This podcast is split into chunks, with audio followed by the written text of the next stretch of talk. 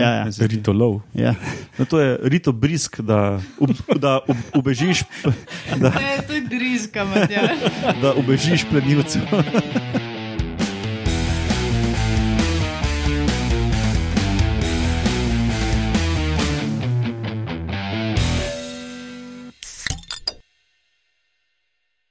Lepo zdrav, poslušate 63. oddajo Metamorfoza, to je podcast o biologiji organizmov, ki vam jo predstavimo skozi lahkoten pogovor o pivu ali ostalih tekočih opojnih substancah. Metamorfoza gostuje na medijskem mreži Metina Lista. Eh, Do konca tega leta nas podpira Agencija za raziskovalno dejavnost Republike Slovenije, tako da hvala RRS za financiranje, da lahko gremo to promocijo znanosti. Pa da ne pozabim, kot sem pozabil eh, na živem snemanju povedati, se pravi v prejšnjih dveh epizodah. Um, na živo snemanje je prišel tudi Danilo, ki se je pripeljal in, iz Maribora in nam prinesel donacijo v Naturalijah. In to je bila um, druga grozna donacija, ki je zdaj skoraj vino, malo moštno še deluje, ampak Danilo pravi, da je to njegov- prvi pridelek in nam gre tukaj v slast. Tako da hvala, Danilo. Ja, Hvala, zdaj, Danilo. obetavno se zdi, no, tole, da, da bo še kaj zdanilo ta. Jaz mislim, da bo cviček. Ne izdanilo tam, ampak iz tega vina. Okay, danes imamo na sporedu same zanimive reči in med novicami to, da je udomačitev volka oziroma psa, ne, lahko rekli, mogoče vodila do eh, manjših miselnih sposobnosti pri, sposobnostih pri psih. Um, potem o, teh, da, o tem, da racmanom rastejo penisi glede na konkurenco, ki jo imajo, in o tem, da imajo tudi meduze nekaj takega kot spanec. Potem, ali ste vedeli, da so kači pastirji strašni plenilci in vaški posebnež danes loščevec.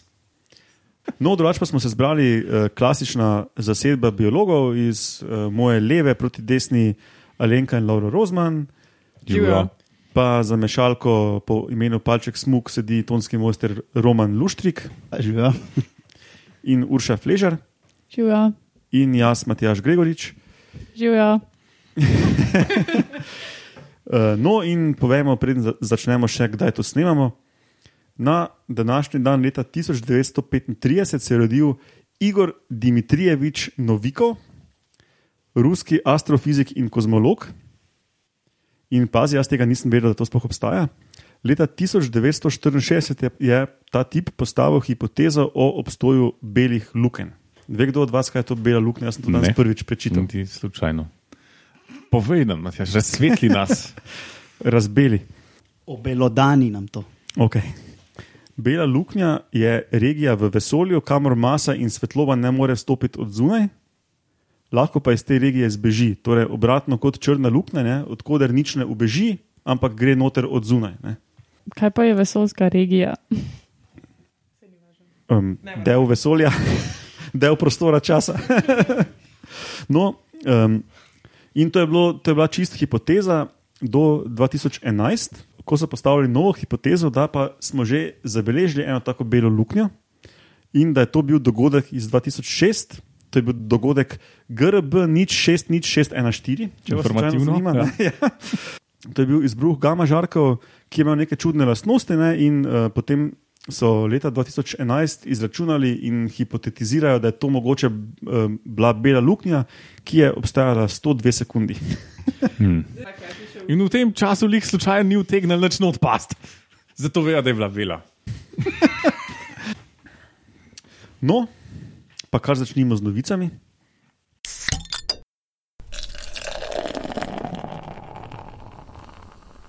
In prva novica danes bo o volkih in psih. O, odlično.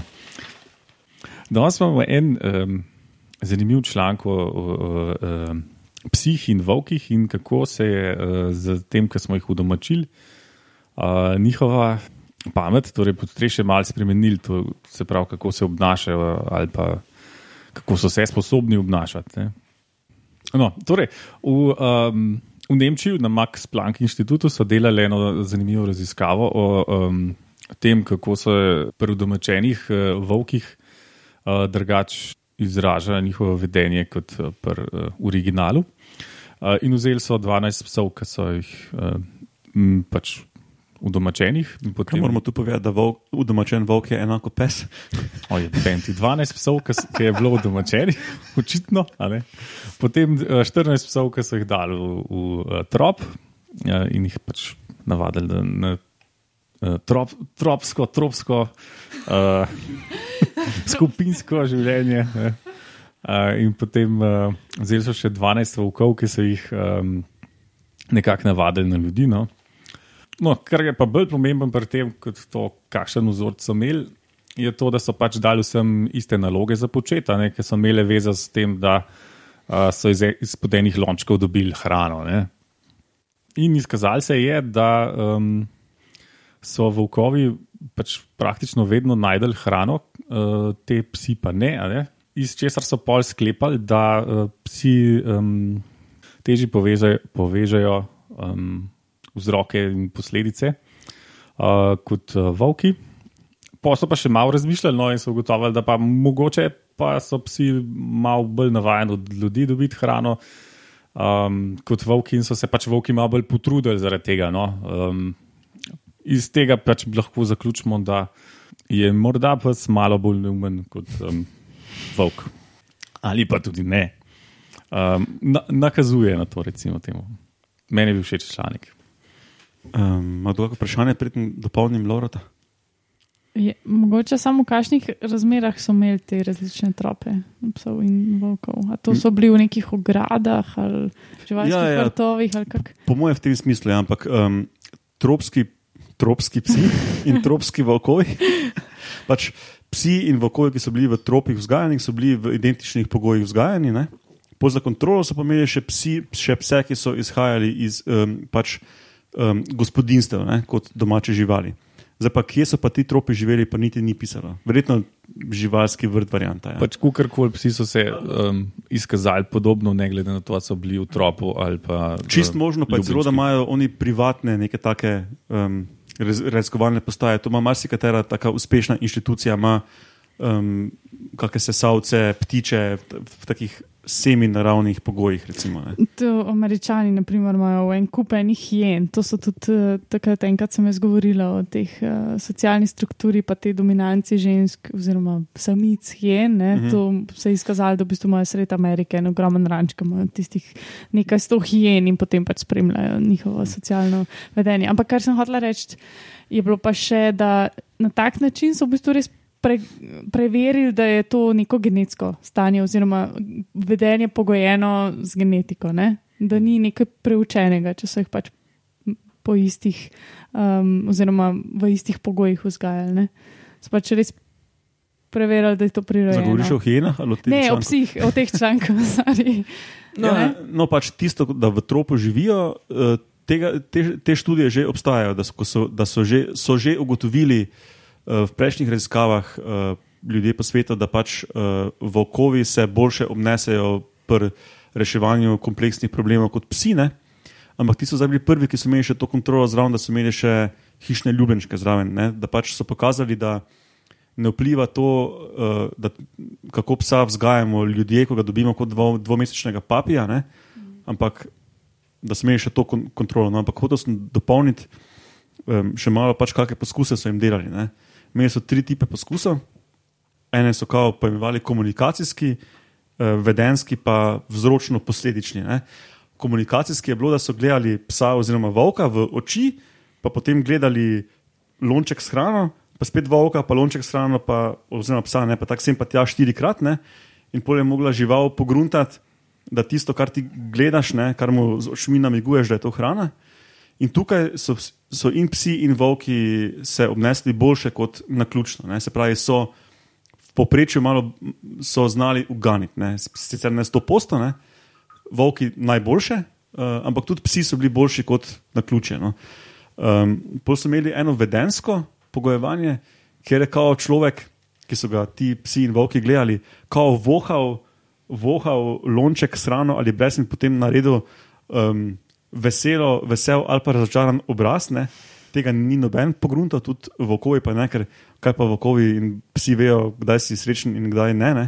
V bistvu pokažeš zobe ja. ali pa jih ne. No, pol pa je bila ta, ta, ta glavna vzročno-posledična, um, kjer pa se je ena ženska, ki je pač s temi živalmi delala, skrila pod mizo ne, in je potegnila za eno vrvico, da se je premaknil ta lonček, ki je bil prazen ali pa s hrano. In so potem te živali slišale, da je nekaj v lončku ali pa ni. Ne. In so mogli potem sklepati, brez da človeka vidijo, da zvok pomeni, da je lonček poln. In tukaj psi ali iz kavča ali iz stropa so čist na ključno ugibali. Ne. So pač, bilo je 50 postov, se pravi, ker so bila dva lončka, en prazen, en, en poln. Vokovi so pa pogruntali, da tam, ko je zvok, tam je. Um, no, ampak potem, kot je rekel Lauro, še pa, pač dodajajo avtori, da pa ne vejo, pa, ali je to zato, ker so dejansko kognitivno psi slabši, ali so psi pač bolj vajeni tega, da človek reši za njih problem, v kojega pa pač morajo sami reševati v naravi. Da, to je pač od, odprto. Ne. Mene bi bolj zanimalo, kje pasme so uporabljali, ker v bistvu pač je full razlika, če imaš border collie ali pa če imaš berenskega planšarja. Definitivno. Ja. Ob, uh, spomnim se, da je imel članek tudi supplementary material, moče tam piše, v metodah v članku pa ni pisalo, to pa ne vem. Mogoče bi lahko probali te podivjane pse, ne recimo v Peninih imaš cele trope teh podivjanih psov, mogoče so te naštudirali. ja, možno, možno. Uh, Mislim, če vpliva, kol koliko je pes vajen na človek, da človek reši problem, bi to moglo vplivati. Ja. Ok, gremo na naslednjo novico in to so rači, racmanski penisi. Pekinska raca. Um, pos poslušalci, ki so z nami že od vsega začetka, se bodo sigurno spomnili, da smo že v prvi epizodi govorili o, um, o penisih rac in gosakov, ne, ki, ki se tako eksplozivno izvihajo pod pritiskom uh, limfe. Ne. In so, um, in so tudi to, to so glede na telesno velikost živali, tudi najdaljši penisi v vretenčarskem svetu. Pa, a, a ni tako, um, da še z leti rastejo? Da... Uh, vsako sezono paritveno zrastejo na novo. Glede na parjenje, da se če se večkrat par, da se še podaljša in tako naprej. In tako nazaj sem enkrat nekaj bral. Aha, to ne vem. Aj kaj na tem. To ne vem. Um, korelacija je s tem, več kot uh, več ko je spolnega konflikta, daljši so penisi, do, do tega še prijem. Mhm. No, um, samice imajo pa take labirintaste nožnice, ne? zato ker je že omenjen spolni konflikt. Pri racah in goseh je ful tega, da pač um, samci po človeško povedano posiljujejo samice. Ne? pač jih prisilijo v parjenje. In samice doskrat tega nočejo, tudi dost rac in gosi uh, tvori neke socialne, socialne veze, so parčki, ampak potem imajo še full teh nekih ne, nezakonskih uh, prisilnih parjen. Ne? In, uh, to ni v samičenem interesu pogosto in se je pač v evoluciji razvilo full nekih slepih vej, nožnice, kamor lahko zaluta penis onega samca in pač v prazno išprica. Bolj brihtno. Samo pol ni tako, da pač oni plavajo, ki je okol, pa tako, je to običajno, pa se nekako prebijajo. Ne, očitno ne. Očitno ne. Uh, ful, ful malo teh, uh, te, temu se reče um, forced extra per copulation, ful malo teh je uspešnih, ne? ampak če si ti racak, ki si nisi našel partnerja, ne? um, ti je pač to zadnja možnost, oziroma če pa že imaš partnerja, pa ti to pač malo zveča možnost, da boš še kje drugje osemenil. No, ampak uh, za samice je pa to ful stresno in uh, fizično lahko utrpijo poškodbe ali pa celo umrejo pri tem. Teda ful je, v bistvu se one ful otepajo tega. Ne? No, in uh, ko si že vprašal Lauro, o dolžini teh lulčkov, uh Mhm. -huh. pri vrstah, ker je ful tega konflikta spolnega, so tudi penisi daljši, generalno. Ne? No, ni pa toliko znano, koliko uh, pa kompeticija med samci, ne, da se samci v bistvu tekmujejo za samico, koliko to vpliva na dolžino penisov. Ne, in tudi se ne ve, ali so sposobni samci aktivno prilagajati dolžino lulčka, glede na socialni status, ali več ali manj kompeticije, in kje so oni po nekem rangu, tem kompeti kompetitivnem, ne, po hierarhiji samcev. Ne. In so, vzeli, in so to testirali, in so vzeli dve vrsti rac. Uh, mislim, da obe živite v Ameriki, zato ne poznam naših izrazov. Ena, eni pravijo, američani, lesser scope, scope ne vem, um, ITA affinis. Uh, to je ena vrsta rac, kjer se formirajo parčki in je parjenje na silo, to pač izven pačkov redko, ne, precej redko, in nimajo ogromnih lulčkov. Um, druga vrsta je pa Rudi Duck, Oxiura ja, jamaicensis. Te so pa poligamne, brez pačkanja in skoraj, skoraj vsa parjenja, ki potečejo, so ta parjenja na, na silo, fulje kompeticije med samci, ki se ful pretepajo uh, in imajo že v štartu velike penise. Ne? In so pričakovali, da če bomo mi umetno spremenili kompeticijo, ne, pa bodo ti racaki odraščali enkrat kot parčki, enkrat pa ful samcev, pa ena samica. Ne, uh, bo mogoče to vplivalo. Um, v, biologiji, v biologiji rečemo, da je, nek, um, da je neka lastnost plastična, če je full variabilna. Ne? Da je recimo dolžina penisa plastična. Se pravi, če imaš dost konkurence, daljšega lučka, če pa si že v pačku, pa malega. Ne? In so pač pričakovali, da bodo to videli pri teh, um, ker v osnovi nimajo dost kompeticije. Ne? Da pa pri tistih, ki so pri teh rudidah, ki so pa full poligamne in že imajo itak dolge lučke pa da tega ne bojo videli, ker je selekcija šla že full dolgo uh, v to smer, da, da morajo vsi imeti velike lučke. Ne? No, in rezultati so jih presenetili. Ne? Pri teh uh, ne preveč um, um, kompetitivnih, prijaznih, popačkanih račkah. Ne? Um, se je res izkazalo, da racmani, ki odraščajo v skupinah, imajo daljše penis, kot pa tisti, ki odraščajo v parih. Okay, to je pričakovano. Ne? Pri onih rudidah, ki imajo pa v osnovi že velike penise, ne, se je pa pokazalo, da se že, pri, že na začetku sezone pri odraščajočih racakih vzpostavi hierarhija prek pretepanja, in potem ta dominantni samci imajo v vrhu paritvene sezone ogromne lučke. Ne. Tisti, ki so najnižje na lestvici, pretepeni, ne, pa jim zrastejo ful majhni lučki, ampak ful, ampak ful zgodaj in se probajo ušunjati. Še preden uh, oni ta pravi racaki dobijo one velike dongle. zdaj, zdaj bi mogli videti Matjaža, te mere kaže z rokami. Te majhne lučke so bili tako, kakšen centimeter, pa pol, tisti veliki so bili pa. Ma, skoraj en meter. Ribiški. No? Ribiški ja, ne, ampak, je bila, ampak je bila res uh, tako večkratna razlika. Ni to ono 20 cm proti 18, ampak je res 2 cm proti 20 ali pa nekaj takega pri teh racah.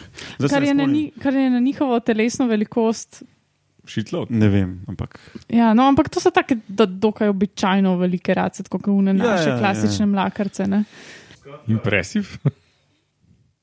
No, ja, tako da pač. Um, so s tem pokazali, da se res pač in velikost penisa, in to, kdaj, kdaj uh, ga, ga dobiš v sezoni, ne, je plastično, se pravi, je odvisno od, od socialnega statusa in s tem so race tudi prvi vretenčari in komaj druga znana žival, da ima velikost penisa plastično. Ne, in tudi tista druga. So pa vidičnjaki in tudi o tem smo govorili v, prvi, v čisto prvi epizodi. Matjaš, kaj samo mene pa ful veseli, da pri ljudeh ni tega. Ne?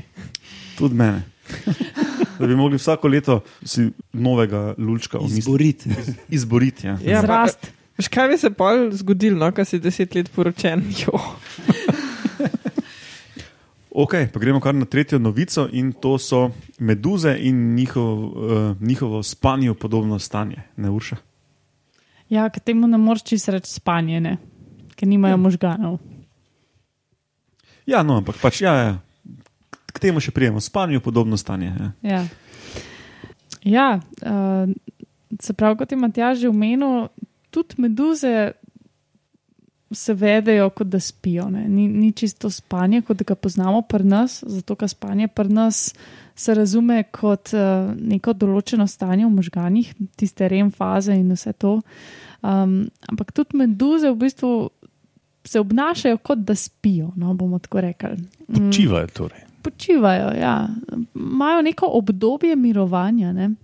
Um, da dopolnim, vprašanje je, ali njihovo živče počiva. Ne? Se pravi, meduze um, so v živalskem svetu ona najbolj.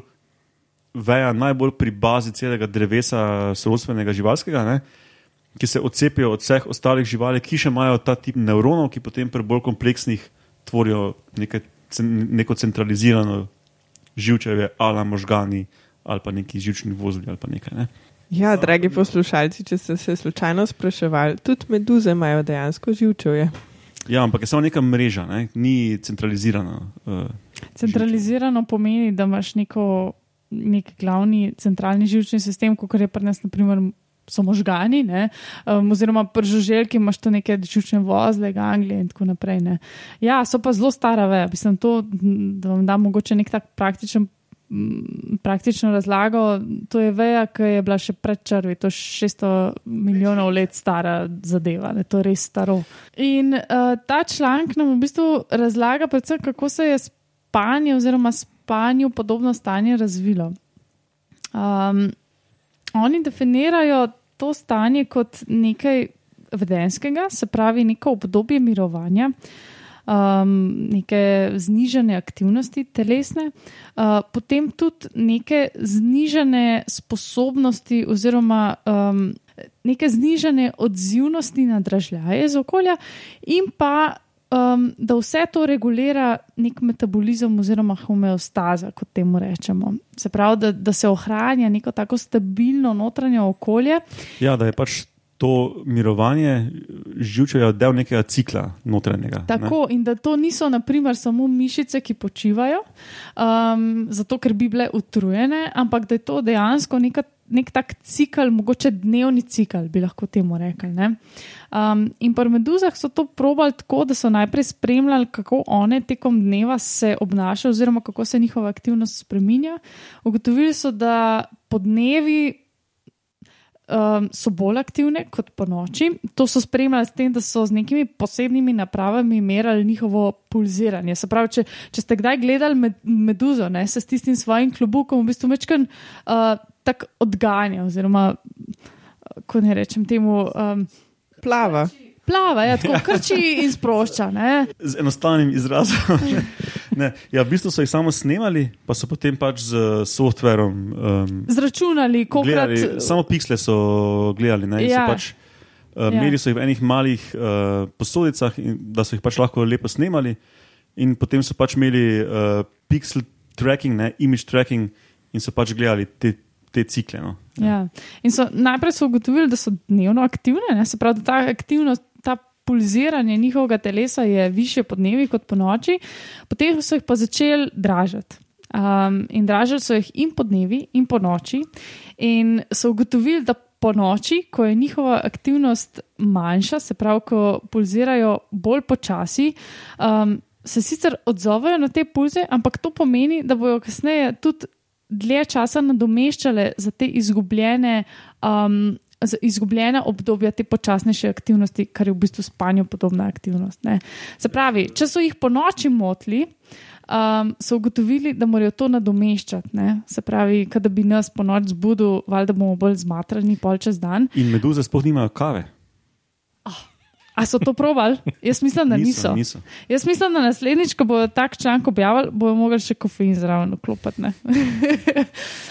Se pravi, ja, da, da, se, da se jim dejansko pozna, ne, če, se, če jih se jih po noči moti, ko je njihova aktivnost nižja, se pravi, ko spijo v navednicah, um, morajo to nadomeščati, oziroma se definitivno drugače obnašajo, kot pa če jih motijo, oziroma te dražljaje na njih. Uh, Preizkušajo, oziroma jih dražijo po dnevi, ko so že itak bolj aktivne, oziroma se na to ne odzivajo z nekim potem nadomestkom, oziroma spremenjeno aktivnostjo. No, v bistvu, če smo specifični, ne, če jih um, drezaš po noči, se odzivajo počasneje, ker so pač zaspane, ne, tako kot nas, če nas Ja. drezaš, ko smo v postelji. Ja, to to. Ampak potem je prav nekaj ur v tem dnevnem ciklu, ko bi normalno bile budne, se še vedno, uh, še vedno spijo. Ne? Se pravi, potegnejo oni spanec malo še v dan. Ne? Ker smo jih zmotili vmes. Ja, ker smo ja. jih pač po noči motili. Ja. Ja. Da pač dejansko morajo malo potegniti zjutraj kot mi, če smo ga pač malo lumpali čez noč, ne? potem malo potegnemo v dopodnevo, ne? če nas uh, ne zbudijo glih mulci ob šestih zjutraj. Ne? To, Ej, to se pol samo popravi, ker grejo v šolo, jih moč prav z bagrom izposlene. Skratka, meni se pri tej študiji zdelo predvsem zanimivo to, kako so te stvari ugotovili, oziroma njihove metode. Pač gledali so, oziroma merili so, kako meduze utripajo, in pavkali so jih, dražili so jih. In to je to. To je neka osnova. Bistvu. Uh, meni se je fajn zdelo, ker so v bistvu um, to sta bila dva študenta, mislim, da sta bila dva, no, s- sem intervju poslušal, ki sta pač delala v lebu, ker imajo te meduze in sta se potem ona dva v bistvu začela spraševati, ali te meduze spijo. Ne? In potem so tudi mentori rekli, hm, ne, dobro vprašanje, v bistvu, in uh, vse pa gre na to, koliko simple je lahko neki živčni preplet, da še potrebuje spanec. Ne? In očitno tudi tako face simple kot ena meduza, ki je samo neka, neka mreža, ne, pa že potrebuje spanec. Teda, mogoče je neko, oziroma pač mirovanje, ne, spancu podobno stanje, da mogoče pač to. Um, obstaja čist pri vseh živalih, ker pač je to neka osnovna lastnost živčevja, da pač potrebuje neko fazo mirovanja v nekem dnevnem nočnem ciklu. Ne. No, ok, uh, še malo kakšno vprašanje, če ne, gremo kar na ali ste vedeli.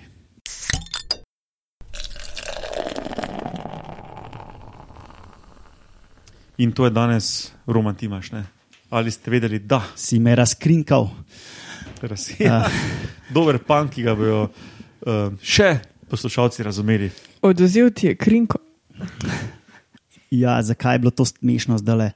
Um, danes bom govoril o kačjih pastirjih. Zdaj poznamo te kačje pastirje, ki letajo, ne? um, ampak to je v bistvu ta oblika kačjega pastirja, je zelo kratek čas v življenju ene živali. Večina časa, ponovadi te živali eh, preživijo pod vodo, Kako pa tam letijo? Uh, brez kril. Uh, bom bom pol pojasnil, kako, če te zanima. Uh, in pač, ker živijo v vodi in se prehranjujejo s temi vodnimi, ni pa nujno, no, uh, živalmi, ene hodijo tudi na kopno. Um, More pa to nekako jesti. Ne? In kako to jejo? Um, one imajo um, en kapenih obustnih okončin in en set okončin se je preoblikoval v tako uh, krinko, ne, tako zobno, uh, obrazno masko, V bistvu si mislim, da reče poslovensko lovilna, lovilna krinka, ne. krinka, ne, um, ki jo lahko zelo hitro iztegnajo in primajo plen in potegnajo noter in nam, nam, ne. No, in to je res fascinantno videti. Bomo dali uh, YouTube videe v Ja. ja. zapiske. Ne. Zdaj, to lahko naredijo v parih milisekundah, iztegnajo. Ne? To je pač milisekunda, je ena tisočinka sekunde. Kako jim pa to rata, a, a se kdo spomni? S hidrostatičnim pritiskom, ne? ki pa uh, in uporabijo svoj uh, anus, ne? to svojo zadnjično odprtino, uporabijo, da to stisnejo in jim od spredi ven butne. No, pa se tudi um, hodijo, hodijo po dnu, ne, imajo pa eh, take hitre, kako se jim reče, brste um, plavalne, ne, Ja. ko tudi anus uporabijo, da iztisnejo no. zadaj ven. Ne, Ja, ja. ne, se zdi. Ritolov. Ja. no, to je rito brisk, da, ob, da ob, ubežiš, da, Ne, to je driska, da ubežiš plenilcu. Tudi z drisko najbrž v Bežiško. Eh, ne dvom, to imajo ptičice zelo za obrambo. Uh, drugače ličinke tudi čez rite dihajo. Ne, da, Tiči imajo vedno drisko. Ja, kar pogled po avtu, pa ti bo vse jasno. um, tako da sem bil dosti kratek in nazoren. To je- kaj si pa vse? povedati? Ja, danes je bilo, ali ste vedeli, da so kači pastiri strašni plenilci. Ne? In uh, jaz sem pač na to, ko sem to dal Romanu, sem pač na to štartal, da Roman razloži to lovilno krinko pri kačih pastirjih, ker po moje pač ljudje to ne vejo. To In, je. Ja, ja, ja, in če si bo zdaj pogledali še ja. video, bojo res impresionirani. Da jih šut bi. Urša dviguje Ja. ja. roko. Jaz imam eno vprašanje. Uh, kaj je največji plen, kar so ga karkoli, kadarkoli? Mamut. Zaprav, kaj je največji plen, uh, kadar so ga. Um, Ki so ga kadarkoli. Ki so ga kadarkoli, hvala, Matjaš, kači pastiri oziroma ličinke kačjih pastirjev ujeli, a mogoče veš. Zdaj slišal sem uh, nekaj v sinem kitu, ampak mislim, da ni posnet. Uh, sem pa na Wikipediji prebral, da mislim, da uh, ujamajo plen svoje velikosti, lahko tudi kakšne ribice, ki so to, ali pa paglavce, ki so tako veliki, kot oni. No. Ja, to je tak, um, ena taka hecna napravica, ki je zložena pod brado z več sklepi in se pol tako izviha in ima prav ene um, zobce na koncu. Č, ne. Ja, tako za Eh, mogoče tretjino ali bil- polovico telesa. ali koliko. Uh, jaz sem bil kar intrigiran kot osnovnošolček na tem, ko sem o tem bral. Ne. Vedel sem, kje to najti, ker sem pač hodil ven in sem gledal, kaj je v mlakah. In sem šel in sem polovil nekaj ličink kačjih pastirjev, potem pa vzel mami en pekač v kuhinji, Ker sem tudi bral o tem, da pa v blatu v potoku živijo tubifeksi. Tubifeksi so ena žlahta komarjev, ki imajo take rdeče ličinkice v blatu, ne, ki jih tudi akvaristi futrajo kot živo hrano. Recimo. In sem dal na oni pekač uh, tisto blato, in sem ven pobiral tubifekse, in sem potem hranil tiste ličinke, kačjih pastirjev doma z njimi. In ko je mama to videla, uh, sem lahko potem zavedno obdržal tisti pekač. Smisel še, kot ti je postila, je študirati biologijo.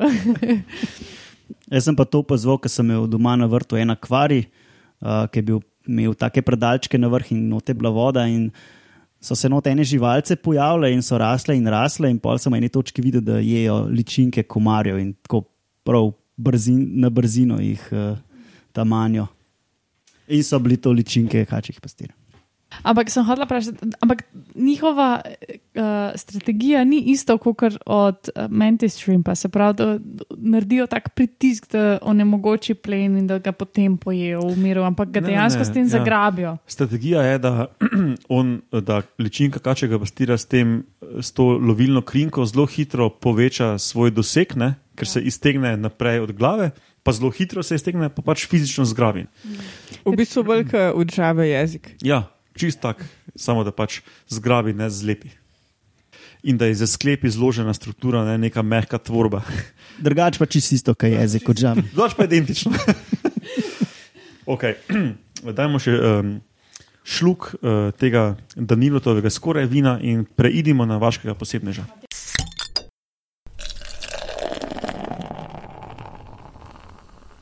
Danes je pa vaški posebnež eno drevo, ki se mu po naše reče loščevec in originalno izvira iz Koreje in Japonske.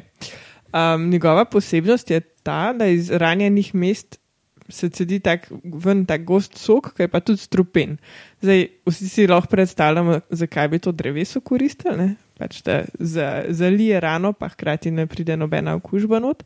Ampak tudi ljudje so najdel um, svojo korist. In sicer so ugotovili, da se dosti hitro ta sok strdi in rata zelo trd, zato se ga da zloščiti do visokega sijaja. In zato se mu tudi reče loščevec. In so verjetno s tem premazovali kaj pol.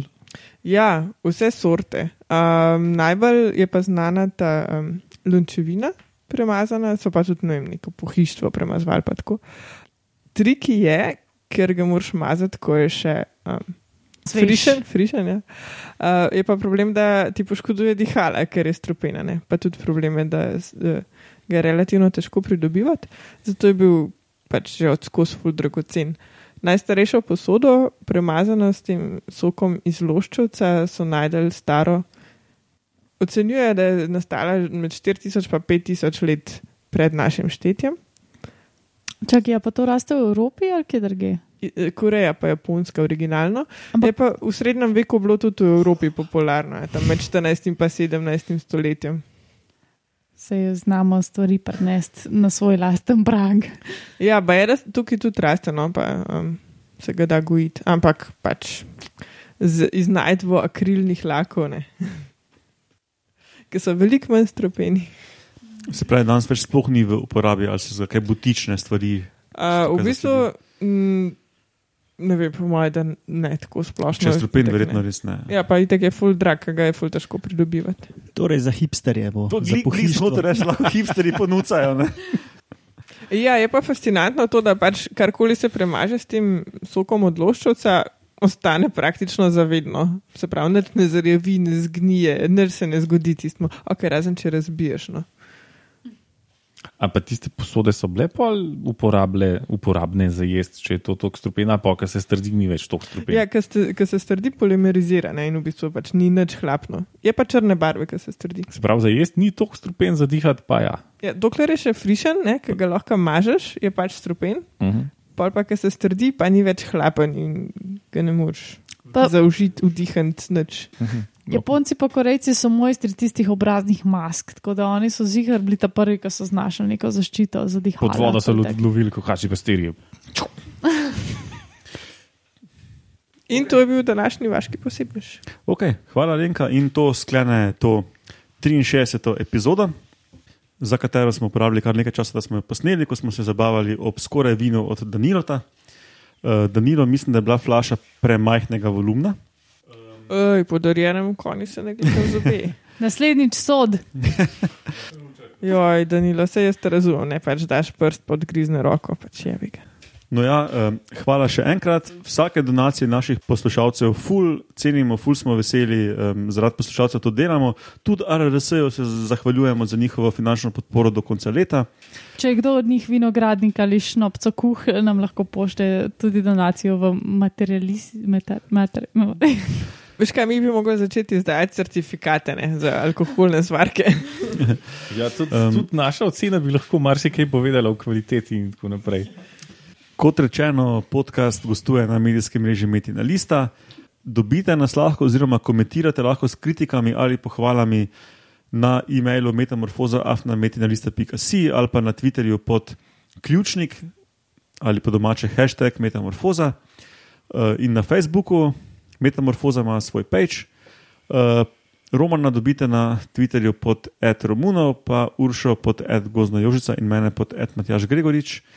Nama pa rajš, kar pišete na metamorfozi in mail, pa bo nam bo Matjaš vse povedal. Tako.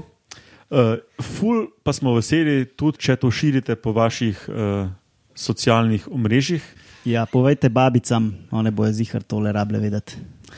Dajte jim smartphone, nastavite jim pocketcast in metamorfoza. Ok, to je to. Hvala vam štirim za sodelovanje, poslušalcem za poslušanje in do slišanja prihodnič. Adijo. Ajde. Adijo. Pa pa.